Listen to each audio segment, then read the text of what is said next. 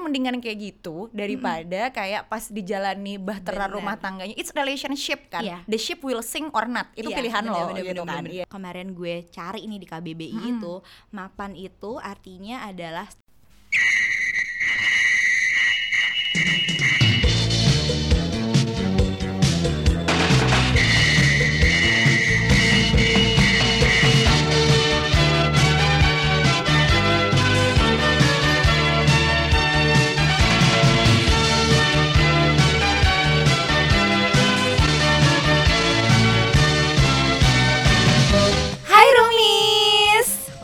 depannya aja udah gini ya Iya, udah enak ya. iya oke oke hari ini kita kira-kira mau bahas apa nih Nin Eh, sebenarnya sih ini gue mau cerita dulu sih. Mm-mm. Jadi kan eh, followers gue di Instagram itu banyak yang masih eh, dede-dede bukan dede-dede juga sih. Jadi eh, dewasa muda gitu loh, Sas. Kayak remaja akhir Remaja. dewasa muda Yes, gitu, ya. gitu. Nah, mereka itu banyak banget yang nanya via DM, terus ada Hmm. lagi yang komen apalagi kalau misalkan gue baru masukin foto bareng sama suami nih. waduh Ya. couple goals ya. Ih berasa kayak siapa gitu ya kalau ngomongin couple goals boleh ya. gitu. Ah, nggak boleh gitu. nah, rumpi banget ini asli terus terus gimana Nin terus udah gitu eh, apa namanya? Banyak yang nanya nih, eh, Bunin gimana sih caranya cari suami yang eh cari laki yang bisa jadi suami yang qualified lah jadi suami gitu. Mm-mm. Nah terus udah gitu pertanyaan itu tuh sering banget diulang diulang diulang terus dari kayaknya dari zaman zamannya lima tahun lalu Mm-mm. gue masuk ke Instagram sampai sekarang tuh masih aja ada yang nanya kayak gitu. Ayah Dodo Gitu. harapan bangsa ya iya Eh mungkin ya. Iya tapi by the way eh, tentang itu juga karena kan gue sama tim tiga generasi nih tim klinik gue nulis buku juga judulnya anti panik mempersiapkan pernikahan. Mm-mm. itu tuh juga kita tulis waktu itu karena emang banyak temen-temen yang si dewasa muda atau remaja akhir ya kayak lagu Britney ya I'm not a girl not yet a Iya. woman gitu kan. Nah Usia itu tuh usia tanggung ya. iya gitu kayak pingin eh, pingin tahu gitu loh. Tapi sebenarnya nggak cuma di umur itu sih di umur yang lebih besar juga itu kayak pingin tahu pasangan yang sekarang atau pasangan gue atau nyari pasangan yang tepat buat seumur hidup tuh gimana sih? Karena kan sebenarnya problemnya tuh finding the right one kan bukan finding the right now kayak Iya, bener siapa pun depan lo lah ya kayak kerdus kayak kerdus mie instan gitu misalnya atau kayak siapa pun iya aja gitu nggak boleh kayak gitu Tapi kan tuh gue gitu. menemukan sih ada beberapa yang akhirnya finding the right now bukan finding the right one yang gitu. ada aja gitu Heeh. Kenapa ya biasanya itu kalau kayak gitu apa karena Mungkin umur ya nggak sih? Iya suka pada gitu kan, Heeh. suka kayak udah umurnya nih semua temen udah nikah gitu Atau kadang-kadang tuh juga pacarannya udah lama banget Bener. gitu Terus tuntutan dari keluarga yang Heeh, Atau sayang sama keluarganya lah kan Iya. ntar hidupnya emang Eh sama beneran loh, gue tuh kemarin lihat tuh ada video kayak gitu sedih banget. Oh gitu, Heeh, kenapa jadi, tuh? eh, apa namanya ada eh, cowok sama cewek, mereka udah pacaran 11 tahun, Wow, terus putus. 11 tahun sis, dikit lagi Lo tau kan? Iya terus dia putus, terus si cewek nikah sama orang lain, terus pas lagi di Oh. pelaminan, si cowok ini mantan pacarnya ini datang meluk orang tua ceweknya, Oh, terus nangis, sedih. terus Tapi kayak gimana ya? ah gitu. Ya but then again mendingan kayak gitu daripada kayak pas dijalani bahtera Bener. rumah tangganya It's relationship kan Iya. The ship will sink or not Itu Iya, pilihan bener, lo bener, gitu bener, kan bener. Oh iya ya? Iya kan lumayan gue kadang-kadang juga tuh. Nah, iya anyway, gue juga suka akhirnya kadang-kadang gue suka nanya gitu ke mereka. Biasanya eh, si klien-klien ya atau kayak teman-teman lain, apa sih yang lo cari dari calon pasangan lo gitu? Ekspektasi lo kayak apa gitu? Nah, ya ada beberapa jawaban beda-beda sih. Kalau di lo tuh eh, kalau nanya kayak gitu pernah nggak nih? Terus kira-kira biasanya jawabannya apa gitu? biasanya pasti nyari yang baik ya nggak sih Iya, pokoknya yang, umum-umum deh baik Mm-mm, seiman terus mm-mm. satunya lagi biasanya mereka nulis juga mapan Oh, gitu. mapan. Mapan apa nih sih? Mapan, gimana tuh? Sumpah ya, gue sampai googling kemarin di eh, kamus besar bahasa Indonesia. Jadi sebenarnya kalau kata mapan, kalau lo kalau lo denger kata mapan yang pertama kali muncul di otak lo apa sas?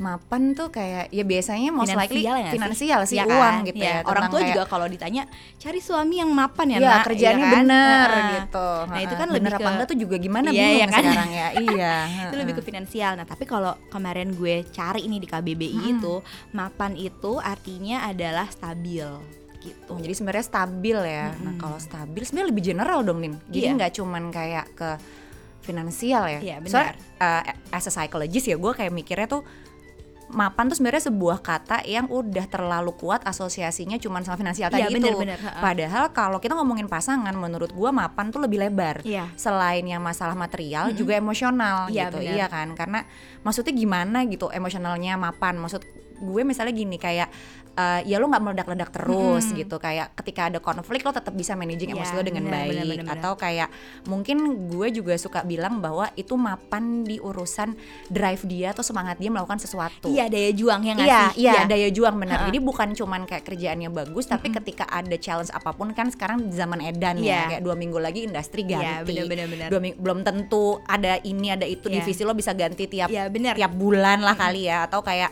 eh, ya bahkan yang untuk pekerjaan-pekerjaan yang mungkin dulu dirasa udah steady ternyata bisa banyak perubahan gitu secara bisnis kan. Nah itu juga kayak gimana sih mapannya orang tuh dalam artian ini daya juangnya ketika ada sesuatu yang baru atau yang nggak pernah dia hadapi datang dia tetap bisa ngelola Bener. gitu nggak kayak kayak aku tidak bisa Iya. hidup lagi Sedangkan dia harus gitu. ngidupin anak orang ya nggak sih? Terus Iya, udah gitu udah punya anak Ha-ha. segala macem ya nggak mungkin dong kalau misalkan dia nggak punya daya juang ini gitu ya. Atau aku nggak bisa lagi nih kerja kayak gini Heeh. hidup aku berantakan ya once in a while lo bisa merasakan itu Iya. tapi kan masalahnya life goes on nih jadi Bener mesti banget. gimana gitu jadi kayak itu sih salah satu yang gue kadang-kadang eh, sering ngomong gitu ke teman-teman yang emang cerita nah anyway suatu kali tuh selain lo nyari di KBBI masalah mapan itu gue waktu itu juga penasaran kan kita ngomongin itu ya waktu itu Iya. ya eh, over jadi gue Maninda tuh kalau ngomong tuh lewat voice note Iya, ini kalau bener kesebar banget. kacau banget sih curhat-curhatnya semua lewat voice note gitu udah bukan di capture lagi Iya, bukan di capture.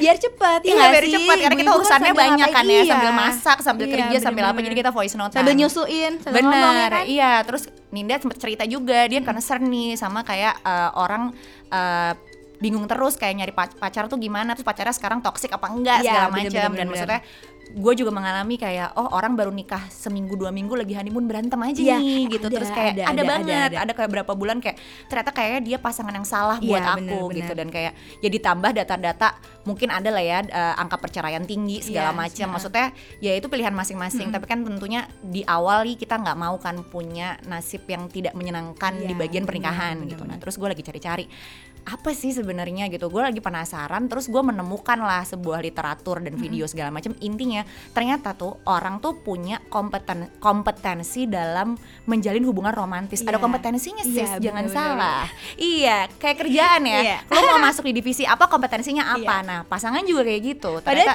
membangun hubungan ya, tapi iya, ada iya, loh. ternyata ada Heeh. gitu. Nah, terus eh, jadi tuh ada beberapa si kompetensi ini tuh ada beberapa hal yang bisa lo lihat gitu. Ninda sebenarnya juga udah gue liatin sih ya Iya. gitu. Nah, itu ada mungkin nanti kita sekalian sambil cerita per poinnya tuh kayak gimana. Nah, jadi tuh ada tiga hal yang sebenarnya bisa kita semua nih rumis ukur dari bukan ukur lah ya. Kita lihat, kita pertimbangkan dari pasangan dan diri kita sendiri. Benar, ha. Jadi tuh yang pertama tuh kompetensi pertama adalah eh, insight, Insight, atau mencari insight gitu. Jadi insight itu maksudnya adalah apa ya hikmah bukan hikmah sih. Iya sih. Bukan jadi kesadaran diri sebenarnya, kesadaran diri mengenai apa yang uh, gue butuhin as a person. Benar. Ninda butuhin as a person gitu. Mungkin bukan cuman bukan cuman masalah umur tapi juga masalah kayak sekarang tuh gue di state atau kondisi yang misalnya butuh nggak pasangan monogami yang lama atau ternyata gue butuhnya masih yang apa sih kalau anak sekarang bilangnya it's complicated Iya, bukannya oh HTS. HTS, Oh, masih itu HTS zaman ya? kita it's complicated Ah, ya iya, iya. HTS ya jadi kayak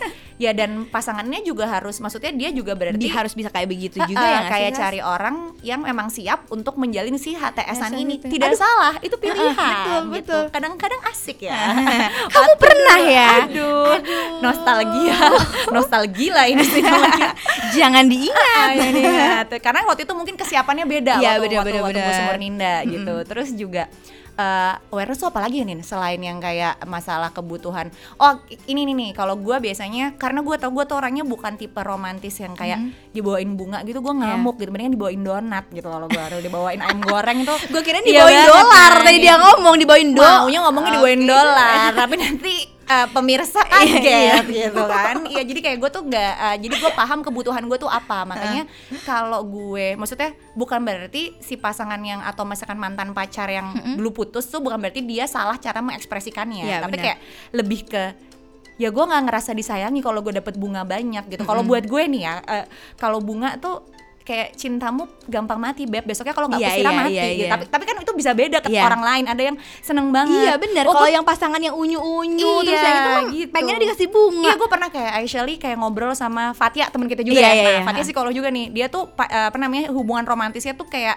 inilah eh, cerita-cerita romantis banget lah Iya. pokoknya. Ada surprise tiap tahun eh, ulang tahun. Terus gue nanya, sebenarnya kalau tiap tahun lo tahu dapat surprise tuh lo jadi nggak surprise nggak sih Iya, gue? ah. Nah, tapi terus kayak si temen gue si Fatia kayak, tapi kan tiap tahun surprise-nya beda. Oke. Oke. Gue nggak relate karena bahasanya beda Iya, gitu. bener, bener, nah, bener, kalau lo bener. gimana Bunin? Kalau gue sih sama laki gue sama sama kayak lo. Jadi Wah, eh enggak sih, enggak, enggak, enggak. awalnya beda.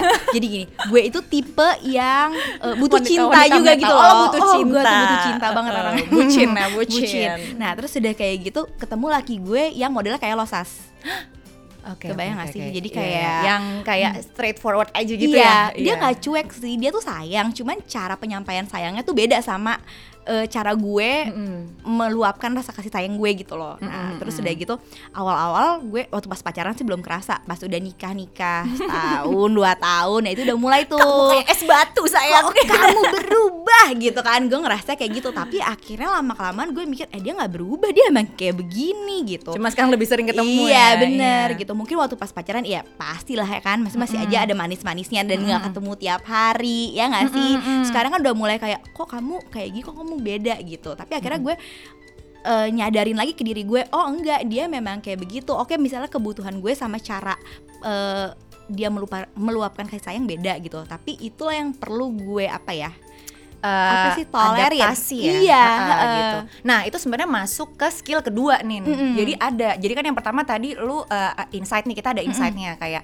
kebutuhan kita apa. Terus kita paham juga insight tuh nggak melulu tentang kita kan, Mm-mm. tentang si pasangan kita tuh orangnya Butuhnya kayak gimana gimana. sih? Misalnya Ah. kayak salah satu contoh yang menarik dari si teori itu kayak misalnya eh, kalau pacar kita telat, terus kayak kita jadi merasa it's all about me gitu kan. Dia tuh Iya. selalu telat acaraku padahal sebenarnya kalau dia lihat lagi di semua acara dia telat. Iya, Jadi iya, emang iya, dia iya, telatan iya, aja iya, orangnya iya, gitu. iya, Jadi lo nggak bener, perlu bener. marah gitu. Iya. Jadi oh iya tuh sama banget suami gue juga kayak gitu sih Iya kan, Iya. jadi kayak kadang-kadang tuh namanya kita juga punya relationship Iya, ya, jadi kita bener. punya ekspektasi kita dispesialkan ya, tapi belum tentu dia nggak Iya, gitu. bener, kayak bener, itu bener. sebenarnya ya cara dia menjalani hidup sehari-hari aja, Iya. tapi kita baper gitu. Iya, nah, yang bener. kedua tuh menyambung dari situ ada namanya mutuality gitu. Jadi sebenarnya gimana sih kita mengkomunikasikan kebutuhan masing-masing pasangan gitu tanpa aduh gue geli nih kalau yang bagian ini tanpa konflik yang berlebihan Iya. gitu. Nah, kalau case-nya ya kayak tadi misalnya ya gue juga sama ya, mungkin gue ya agak lebih berbeda di masalah romantisme yang berbunga-bunga gitu. Cuman gue eh, cuman ternyata laki gue tuh lebih kacau lagi daripada gue nin. coy Iya, begini lagi. jadi kalau misalnya kita dibikin gradasi ini kayaknya Oh, nih gue iya, iya. bucin Jadi itu range jadi bisa aja gue kelihatan cuek tapi laki gue lebih cuek lagi nih. Ini bahasa umum ya cuek ya. Sebenarnya nggak cuek Iya, gitu. iya. Kayak gue pernah waktu itu gue lagi eh gue hamil, gue ingat Hmm. waktu, waktu gue hamil terus gue kayak eh yang eh, aku lagi pingin banget martabak manis nih Heeh, gitu, heeh. gitu kan. Ibu hamil gimana Heeh, sih gitu kan sis. Terus dia kayak dia nggak jawab, dia nggak jawab. Oh gue nggak apa-apa gitu. Karena kita biasanya ngobrolnya malam. Pulang dia pulang kantor nih malam. Gue nanya martabak manisnya mana? Terus Iya. kata dia, hah? Emang kamu Eh, minta? Emang tadi kamu minta kan aku tadi bilang aku pengen kata dia oh aku pikir itu kalimat berita jeng jeng jeng Oke. gitu kan He takes analysis gitu kan. Jadi gue kayak Iya, bener, harus ya sebenarnya gue nggak kaget pada saat pernikahan cuman gue lupa dia tuh. Iya. waktu itu gue hamil mungkin hormon pingin Iya, ya. dulu bener, juga bener, kayak bener. gitu. Jadi kalau misalnya tipe lakinya kayak laki gue ya gue mesti ngomong gue pengen martabak Iya, manis bener. yang mana yang di mana. Kadang-kadang dia juga kayak coba ya udah eh, ini aku transferin duitnya coba kamu beli sendiri lewat Iya. aplikasi gitu. Oh ya udah oke fine. Ya Jadi kayak begitu. membantu menyelesaikan masalah gue dan gue nggak apa-apa. Jadi kayak emang di hidup gue tuh kadang-kadang emang abang-abang aplikasi online itu tuh lebih romantis waktu gue hamil itu kan. Dia langsung datang Iya, gitu bener, langsung ibu mau apa? iya. gitu kan. Jadi Ini nggak apa-apa. iya, iya bener tetap banget. aja dia diantar suamiku ke situ ya kan. Jadi emang lebih ke arah oh karena eh, karena gue tahu dia kayak gitu ya gue kalau mau komunikasi suami gue kayak gitu ya gue ngomong yang jelas gue maunya Iya. apa gitu. Jangan nanti eh, pertama misalnya kalau di refer dari skill yang pertama yang insight misalnya lo pengen banget nih eh, ulang tahun dikadoin terus laki lo nanya gitu mau kado apa lo bilang gak mau apa-apa mind reading nih Iya. kan Kode doang, kode, kode. siapa tahu dia tahu gitu Terus suami gue benci Terus banget su- sama suami, kayak gitu. suami ya kalau suaminya kayak suami gue atau pacarnya kayak pacar gue waktu itu yang sekarang jadi suami, dia kan oh nggak mau apa-apa. Beneran Ya pas udah. ulang tahun gak ada apa-apa Em, tuh. Terus kita jadi ngamuk kan. Nah, jadi itu perlu lo perlu sadar kebutuhan lo apa dan kemudian kayak sisanya ketika itu beda sama cara pasangan lo memperlakukan sesuatu yang dia anggap berharga, Iya. ya dikomunikasiin Iya, gitu. benar. Kalau gue sih gitu sih. Jadi jelas gitu message-nya. Iya, Kalau lo gimana? Sama Ha-ha. sih. Kalau dulu tuh gue karena gue tadi gue bilang gue bucin ya. Mm-mm. Jadi kalau waktu pas awal-awal eh, nikah itu sempet tuh miskomunikasi di situ. Jadi gue masih kode tapi laki gue nggak nangkep si kode-kode itu gitu. ya kan? Jadi apa? Gue bete gitu. Nah, terus udah kayak gitu eh, lama kelamaan gue akhirnya apa apa coba gue pengen tahu deh yang kayak lo inget banget gondok gitu gue inget banget waktu hamil gitu. Lo ada nggak yang apa ya gue? Misalkan iya gitu misalnya gue ulang tahun nih terus dia nanya kamu mau apa? Enggak nggak mau apa-apa gitu. Padahal kayak kan lo tahu Aku mau sebenarnya istana, gue mau gitu. apa. Iya. Terus udah kayak gitu udah pas gue ulang tahun eh nggak ada apa-apa gitu.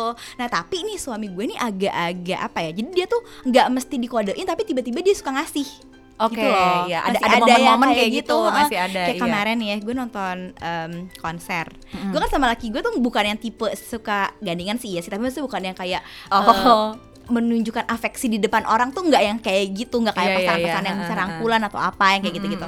Nah terus udah gitu kemarin pas nonton konser gue dipeluk sas dari belakang. kaget nggak? Iya kaget.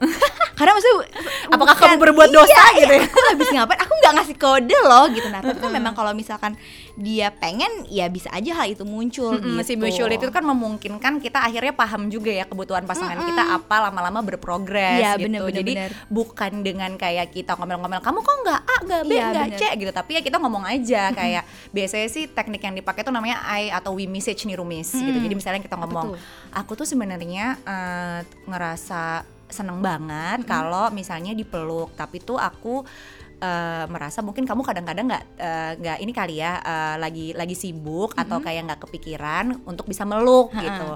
Boleh dong kalau misalnya lagi itu kadang-kadang aku dipeluk gitu. Iya, iya, jadi kayak iya, iya. instead of kita ngomongin ke dia kamu tuh nggak perhatian nggak pernah Iya. meluk nggak pernah wawa nggak pernah ini nggak pernah itu. Akhirnya kalau lakinya kayak laki Wait, gue wait, Wawa apa tuh? nggak tahu nggak pernah. Waduh Bu Ninda jangan jangan aja lagi gue gitu, sih, Wawa. ya nggak pernah gandeng nggak Oh pernah. gandeng Bukan Iya, gendeng ya? Enggak enggak. Bukan kamu gendeng ya beb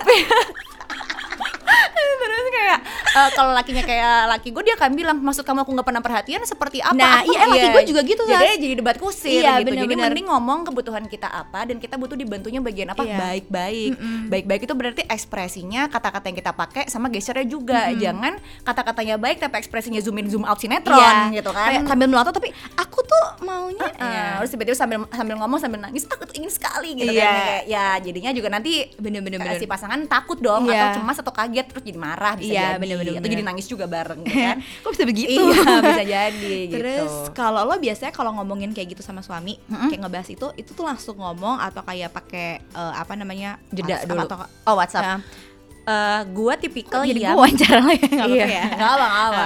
Gue tipikal yang kalau masalahnya cukup urgent harus didiskusikan, gue dan dia lagi kerja, gue akan di WhatsApp. Tapi memang gue itu dari pacaran agak ribet dikit, tapi menurut gue ini berguna buat rumis kalian. Setiap bulan, setiap anniversary gue selalu kayak ada sesi evaluasi. Iya. nih. Wih, Sebel ya? ya ibu psikolog emang harus begitu. Karena waktu itu kan gue um, eh, nikahnya umur 28 pas sebelum pas gue gue melalui beberapa pacaran lah ya yang cukup kadang tragis kadang enggak nih. Iya. Jadi kayak gue nggak mau lah kayak gitu. bener, Jadi bener, per bener. bulannya tuh gue kayak oke, yang udah bagus dari hubungan kita apa. Jadi gue selalu buka dengan sesuatu yang bagus dan terprediksi tanggalnya tanggal segitu. Jadi Oke. si pasangannya juga nggak kaget tiba-tiba ah, ah. diajak ngomong aneh sekali kamu bertanya begitu bunda Iya, gitu iya, kan. iya, Ya, iya. terus kayak udah ah, ah, biasanya aku nanya yang udah bagus tuh apa ini ini ini gitu terus yang perlu kita tambahin apa ya jadi gue nggak pernah bilang yang kurang tapi Ya. kayak yang perlu kita tambahin apa ya kalau sekarang setelah gue jadi suami istri selain kita bahas kita berduanya kita bahas tentang kita sebagai parents tuh gimana gitu jadi Ini bagus banget nih, terpisah Rumis nih. gitu Ih, iya karena tuh cicok. ternyata setiap bulan tuh selalu ada adjustment baru nikah tuh adjustment seumur hidup sih Iya bener gue. banget, bener Iya. banget. Jadi nggak ada tuh yang katanya eh, ini pasti dari awal udah baik-baik, pasti akhirnya juga bakalan terus baik-baik. Iya, Itu karena kan- kan, relation tuh usaha Bener, ya, bener yang banget. di-maintain.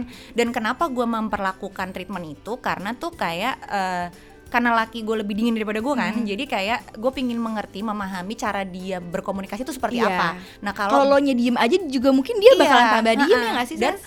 setiap bulanan dilakukan, jadi kan akhirnya gue jadi paham, oh ketika dia ngomong itu sebuah fakta aja misalnya Iya. bukan bukan bikin gue baper gitu. Heeh, heeh. Apa ya misalnya let's say kayak eh, waktu pas masalah kalau bayi lahir gitu kan Heeh, itu kan kita bangun terus ya tiap Iya. malam terus bilang "Eh, kamu nih eh, ya emosi kan kurang tidur segala Iya. macam. Bisa dong em, bantuin aku gimana kek gitu. Terus dia bilang oh soalnya aku tuh harus tidur 8 jam Iya. kata dia. Akhirnya besok kayak aku kerja. Ah, ah, so kayak, oke kalau gitu akhirnya eh, bisa aja kan sebenarnya gue tuh kayak ngomel emang lo doang yang butuh 8 jam ya? Iya. dikira kita nggak butuh sister Iya. gitu kan ya. Lo nggak lihat nih mata gue. Ah, kan? Terus akhirnya tapi daripada berantem akhirnya oh oke kalau kamu butuh banget 8 jam kira-kira eh, tapi aku butuh dibantu juga kalau malam boleh nggak misalnya satu dua kali aja kamu bangun sisanya aku deh. Jadi aku punya waktu tidur dulu sebentar. Jadi nah ketika gue udah biasa diskusi kan akhirnya gue nggak menganggap si kata-kata 8 jam itu sebagai sebuah Iya. insult ya buat gue. Jadi kayak oh itu kebutuhan dia. Oh itu dia hanya menyampaikan fakta kalau gue mau nego negonya caranya kayak gimana tapi kalau gue nggak pernah latihan diskusi itu pasti terjadi Benar. pecah perang Iya. gitu karena gue akan lo tuh egois lo Iya. A lo B lo C gitu. Iya kan sadis nih si Saskia coba nih. kalau Bunin gimana kan nikahnya lebih muda jadi beda Iya, kan pasti iya, iya, struggle-nya iya, iya. gitu kalau gue tuh eh, ya itu sih Senior, paling senior. kayak nggak nggak coy gimana gimana Nggak, kalau gue karena eh, gue tuh sama laki gue kan beda banget kan Sas yang tadi gue bilang gue lebih bucin dan dia yang modelnya tipenya agak cuek gitu kan nah itu paling eh, awal-awal nikah tuh belum berasa belum Hmm. berasa banget Sas dan gue tuh bukan tipe yang bisa ngobrol kayak lo dan laki lo gitu Mm-mm. jadi kalau misalkan eh, kita mau ngobrol eh, bukan tipe dia tuh bukan tipe yang mau terbuka gitu loh kalau atau harus dikiliknya tuh Iya, lewat berbagai macam ba- pintu banget, gitu ya banget gitu Heeh. jadi kadang gue suka yang aduh ini gue bisa nyampe nggak nih maksud gue ke dia gitu nah Hmm. kalau tadi balik lagi kenapa tadi di, gue di awal gue tanya kalau apa namanya lo kalau Komunikasi anaknya lewat ah, mana gitu komunikasi ya. tuh anaknya lewat mana kalau gue sama laki gue itu kita lebih sering pakai WhatsApp kalau Oke. lagi ada yang mau banget diomongin gitu karena kalau misalkan kita ngomong langsung Mm-mm. ada aja yang apa ya yang Tiba-tiba emosional iya gitu bener ya. bener bener bener Iya entah kayak challenge misalnya emang itu sih Iya gitu kalau misalnya di WhatsApp tuh gue ngerasa kayak lebih elaboratif aja gitu gue mau ngomong panjang lebar terus kayak oke ntar gue udah dan gue bisa memilih bahasa yang mungkin lebih enak buat dia Iya eh, terima gitu dan bisa baca ulang juga ya Iya, oh aku bener-bener. gendeng gitu ya, Ya, atau yang gendeng bukan aku ternyata jadi kayak evaluasi berikutnya Iya, bener, bener, bener. Jadi udah akhirnya dari situ sih. Terus suami gue juga kayaknya kalau menurut gue dia lebih bisa cerita kalau lewat WhatsApp itu kebanding kalau misalkan dia ngomong langsung Hmm, gitu. Oke. Nah ya sih itu mutuality-nya juga bagus ya karena kayak ba- baik selain insight kalian berdua atau kita semua paham masing-masing butuhnya apa, kita juga ngerti cara komunikasinya. Iya, benar. Pilihan sih memang dan benar ketika maksudnya ketika komunikasi mau itu lewat teks mau itu lewat apa ya langsung gitu tetap memang ada emosi yang di maintain nih. Iya. Nah ini bagian ketiga dari skillnya namanya emotion regulation. Yang tadi yang pertama insight, yang kedua mutuality, ketiga tuh emotion regulation gitu. Oke. Jadi apa tuh susah banget gitu kan. Sebenarnya basically emotion regulation tuh gimana caranya kita mengatur atau meregulasi emosi. Emosinya diregulasi Iya, Rumi. coy. iya, ribet urusannya. Jadi ketika kita jadi perasaan sedih, marah, sebel, kecewa, mau ke siapa pun, mau terhadap apa pun dan mau ke pasangan juga, itu tuh bukan emosi yang harus dihindari atau dikubur langsung bukan. Itu kita rasain nggak apa-apa banget tapi kita harus tahu cara ngelolanya. Iya, bener. jangan sih sedihnya misalnya kita sedih nih berantem di mall sama pacar saking sedih kita garuk-garuk eh, lantai mall gitu Iya, kan kesel tantrum ya. lagi, tantrum. iya kan kesel dong gitu. Jadi itu di mana sih itu ekstrim. Nah itu Iya, kayak bener-bener. supaya kebayang bahwa ketika kita punya regulasi emosi yang baik manajemen emosi yang baik ketika itu terjadi kita bisa misalnya oh tarik nafas dulu calm down dulu nih oke ja- ini jangan lebay nggak jangan apa? ya benar kita ngingetin diri sendiri juga gitu. Itu skill yang penting juga supaya kita juga terhindar dari perbuatan yang tidak kita inginkan. Iya, ya, bener-bener, seperti bener-bener. misalnya kita berbuat kasar ke pasangan ber- atau berkata kasar ke Iya. pasangan atau kayak drama-drama melempar es jeruk kayak di Iya. TV-TV gitu ya. Eh, gitu Ya kan gak enak juga ya kayak gitu Heeh, ya. atau kayak jadinya kita juga jadi bisa maintain semua masalah itu diprioritasin lah mana yang menurut kita berat banget mana yang enggak gitu jadi kayak jangan kan ada yang kalau misalnya manajemen emosinya kurang baik tuh semua masalah tuh sama kayak kita mau diterkam harimau gitu Iya. nah kebetulan emang otak kita tuh belum bisa bedain rumis. bener, bener, Ya, bener, jadi bener, bener. yang bahaya beneran sama bahaya bahayaan tuh Iya. belum tahu apalagi manusia zaman sekarang Iya. kalau orang dulu lihat singa tuh real gitu takut keluar rumah lihat singa bener kan takut kita harus ada fight or flight gitu kalau orang sekarang macet parah Iya, bener. gitu Kalau iya. sekarang lihat orang kayak lihat singa, ya Iya sih? benar. Lihat postingan teman kayak no mention nih Iya, mau wah, dihajar jangan-jangan gitu. gue Iya nih, kan. Jadi gitu. kita Iya, emang bener-bener. emang makanya emosi kita tuh harus dilatih terus di dunia modern ini karena trigger-trigger yang sebenarnya nggak terlalu berbahaya Iya. sebetulnya secara bukan nggak terlalu berbahaya secara mental ya, nggak terlalu berbahaya yang mengancam nyawa Iya. gitu maksudnya. Itu tuh kita suka mempersif sebagai sesuatu yang bahaya banget gitu. akhirnya kita jadi berantem jadi nggak punya hubungan yang baik gitu. Iya. nah itu tadi eh, pada saat Ninda atau aku atau Rumi sekalian mau komunikasi sama pasangan ya emosi emosi manajemen tadi manajemen Iya. emosi tadi tuh harus dijaga gitu supaya kita nggak ke mana-mana ya Iya. Nin lupa Dan- masalahnya apa Bener. kan Dan kayaknya juga perlu tahu gimana caranya mengomunikasikan hal itu ke pasangan gitu. Kalau misalkan eh, Saski tadi bisa langsung ngobrol, eh, apa namanya diskusi segala macam, mungkin kalau aku lebih ke di WhatsApp aja gitu. Iya teks dulu Heeh, Gitu. dan ini sih juga eh, apa ya kayak kita juga paham ketika kita ngomong itu mungkin kadang-kadang salah satu harus yang terkesan ngalah jadi Iya. gue sering banget denger kayak tapi tuh aku ngalah mulu kak Aduh. gitu padahal tuh ketika lo punya relationship itu it's not about winning or Yes, losing itu bukan banget. kompetisi kita harus we both have Oke. to win kan gue iya ingat. Gimana, Jadi gimana? waktu pas gue awal-awal nikah, mungkin karena masih muda banget, gue tuh berasa banget tuh ngerasa kayak gitu kayak Hmm. kok gue ngalah terus kok gue ngalah terus gitu tapi akhirnya semakin ke sini udah semakin tua nggak nggak tua sih udah semakin eh, Lebih iya, dewasa. lebih dewasa daripada vintage daripada- ya iya, vintage kuno dong gue. Ini fosil nih jangan gue nih. Terus udah gitu eh, apa namanya udah semakin dewasa daripada waktu dulu gue nikah gue semakin ngerti kalau sebenarnya ya gue nggak ngalah-ngalah amat gitu. Maksudnya gue nggak ngalah-ngalah banget suami gue pun juga ngalah sama beberapa sikap gue gitu. Jadi Iya, jangan cuman kayak ngelihat ini kayak gue aja nih yang paling menderita. Eh enggak ya gue juga enggak. belaga gitu. Ada aja yang gue lakuin dan kadang kita juga- ini ya subjektif gitu. Iya, kayak kita doang yang berkorban Mm-mm. gitu gue sih ngerasa kalau sekarang suami gue udah mulai kayak lebih apa ya kalau misalnya gue ngapain yang gue juga kadang kan suka sambil gue ngelakuin apa terus gue sambil mikir kan eh, kok kayaknya gue gitu banget ya terus kayak gitu nggak sih Sas? Iya iya iya iya Kok iya, iya. suka malu gitu? sendiri iya, gitu. heeh. Terus suami gue tuh kayak lebih udahlah nggak usah diiniin gitu jadi kayak dia lebih ngecil chill Iya. Gue Nah kadang tuh gue juga masih gue. sering latihan sih. Jadi kayak gue baru tahu kayak eh, bukan baru tahu baru ngeh bahwa kadang-kadang tuh kalau kita lagi ngomong sama orang, terutama dalam situasi argumen, dia tuh lagi ngomong tapi di kepala kita tuh udah ada skenario balasan dari omongan itu. Nah bener, itu bener, tuh bener. semua orang dikasih tahu kita harus listening effectively to others gitu, atau kita harus mendengarkan dengan efektif. Tapi semua orang tuh juga mungkin nggak setahu itu. Iya. Mendengarkan efektif tuh gimana? Nah, yang salah satunya ya ketika orang lain ngomong tuh kita nggak punya jawaban di kepala kita Iya. duluan gitu, karena kita nggak ngedengerin omongan dia Iya, gitu bener, kan. bener, bener, bener. Dan kayak kalau sekarang tuh gue kadang belajar apa ya? Kalau bahasa umumnya belajar ikhlas gitu. Jadi misalnya karena kan gue merasa bahwa ketika gue sebel sama sesuatu atau omongan orang itu berarti gue punya judgement yang buruk di situ kan Yes, gitu. ah. Atau gue kerasa sesuatu yang nggak enak.